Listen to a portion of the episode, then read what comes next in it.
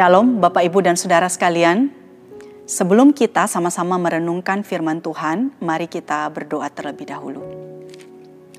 Tuhan, terima kasih untuk kesempatan membaca dan merenungkan firman-Mu pada saat ini. Berkatilah setiap kami, supaya apa yang kami baca dan kami renungkan ini boleh menjadi berkat bagi setiap kami. Dalam nama Tuhan kami Yesus Kristus, kami sudah berdoa. Amin.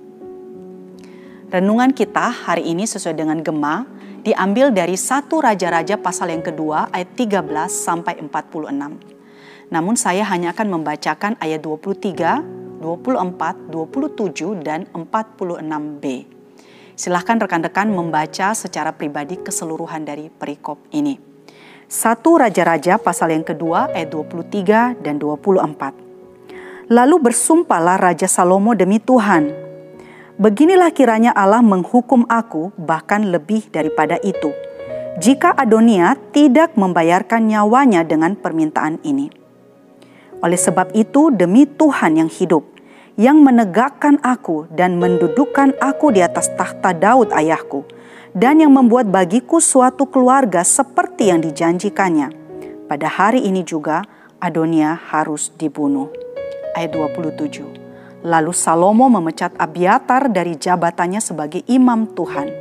Dengan demikian Salomo memenuhi firman Tuhan yang telah dikatakannya di Silo mengenai keluarga Eli. 46b. Demikianlah kerajaan itu kokoh di tangan Salomo. Saudara, bagaimana caranya membuat suatu kerajaan menjadi aman dan kokoh? Di dalam renungan sebelumnya dijelaskan bahwa sebagai umat Allah, mentaati Allah adalah hal yang sangat penting dalam menjaga kokohnya suatu kerajaan. Salomo sebagai penerus Daud harus melakukan kewajibannya dengan setia kepada Tuhan. Dia harus hidup menurut jalan yang ditetapkan oleh Tuhan, mengikuti segala perintah, segala peraturan, dan ketentuan yang diberikan oleh Tuhan. Yang kedua, saudara, sebuah kerajaan akan menjadi aman dan kokoh kalau musuh-musuh dari kerajaan tersebut dienyahkan. Kerajaan yang ditinggalkan oleh Raja Daud kepada Salomo adalah kerajaan yang masih belum aman. Itulah mengapa sebelum kematiannya, Daud memberi pesan kepada Salomo untuk mengenyahkan musuh-musuh yang menjadi ancaman bagi kerajaan yang akan dipimpin oleh Salomo itu kelak. Dan setelah kematian Raja Daud, Salomo melakukan permintaan tersebut. Adonia dihukum mati karena dia masih ingin merebut tahta.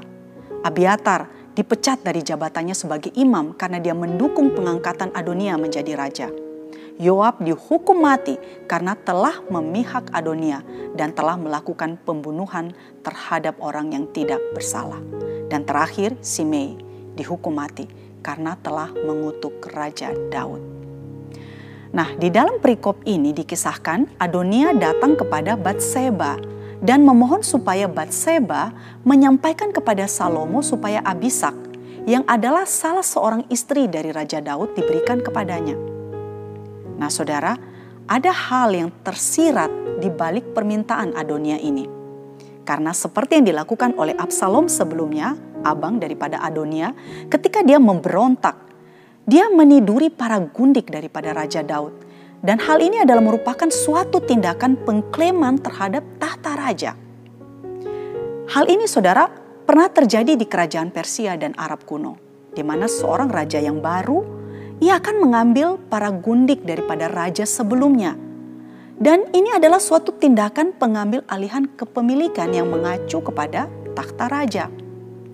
Jadi keputusan Raja Salomo untuk mengenyahkan musuh-musuhnya sesuai dengan nasihat ayahnya Daud dalam konteks ini bisa dilihat sebagai keputusan yang bijaksana. Pemecatan terhadap Abiatar di ayat 27 yang tadi kita sudah bacakan dikatakan bahwa tindakan itu untuk memenuhi firman Tuhan yang telah dikatakannya di Silo di dalam 1 Samuel 2. Dan pada pasal ini saudara ditutup dengan kalimat demikianlah kerajaan itu kokoh di tangan Salomo. Hal ini menunjukkan bahwa semua tindakan yang dilakukan tersebut adalah untuk mengokohkan kerajaan dan hal itu bisa terjadi jika semua musuh dienyahkan. Nah saudara, keputusan Salomo di masa awal pemerintahannya untuk mengenyahkan musuh-musuh kerajaannya berdampak sangat signifikan. Selama masa 40 tahun kemudian, di masa pemerintahannya tidak terjadi pemberontakan dan juga perebutan kekuasaan seperti yang terjadi di masa pemerintahan Raja Daud dan Saul. Salomo bisa fokus melakukan pembangunan bait Allah seperti yang dicita-citakan ayahnya Daud. Nah, saudaraku, bagi kita di zaman sekarang ini, kita menghadapi musuh yang berbeda. Paulus di dalam Efesus pasal yang ke-6 mengatakan, karena perjuangan kita bukanlah melawan darah dan daging, tetapi melawan pemerintah-pemerintah, melawan penguasa-penguasa, melawan penghulu-penghulu dunia yang gelap ini, melawan roh-roh jahat di udara. Sebab itu, ambillah seluruh perlengkapan senjata Allah supaya kamu dapat mengadakan perlawanan pada hari yang jahat itu dan tetap berdiri sesudah kamu menyelesaikan segala sesuatu. Efesus 6 12 sampai 13. Saudara, finally suatu hari nanti Allah secara mutlak akan mengalahkan dan mengenyahkan musuh-musuhnya. Dan di langit dan bumi yang baru itu tidak ada lagi kejahatan. Puji Tuhan. Kiranya dengan iman dan kuasa firman, kita bisa menghadapi musuh kita. Dan mari kita terus menaruh pengharapan sejati kita kepada Allah yang berkuasa secara mutlak, baik dalam hidup ini maupun di dalam hidup yang akan datang. Amin. Mari kita tutup di dalam doa. Terima kasih sekali lagi buat firman-Mu pada saat ini Tuhan. Kami bersyukur melalui pengalaman yang dialami oleh Salomo, kami boleh belajar bagaimana mengambil sebuah tindakan dan keputusan yang bijaksana. Meskipun konteks dan juga kisah kehidupan kami berbeda, kami menyadari bahwa pada saat ini kami menghadapi musuh dan juga menghadapi tantangan yang berbeda. Biarlah kami boleh diberikan bijaksana oleh Tuhan, diberikan iman dan kuasa firman, kami boleh mengalahkan akan setiap musuh-musuh kami. Kami bersyukur kami punya Tuhan yang berkuasa secara mutlak. Dan kelak kami akan menikmati kemenangan itu bersama-sama dengan dikau di dalam kekekalan. Dalam nama Tuhan kami Yesus Kristus, kami sudah berdoa dan bersyukur. Amin. Tuhan memberkati setiap kita. Amin.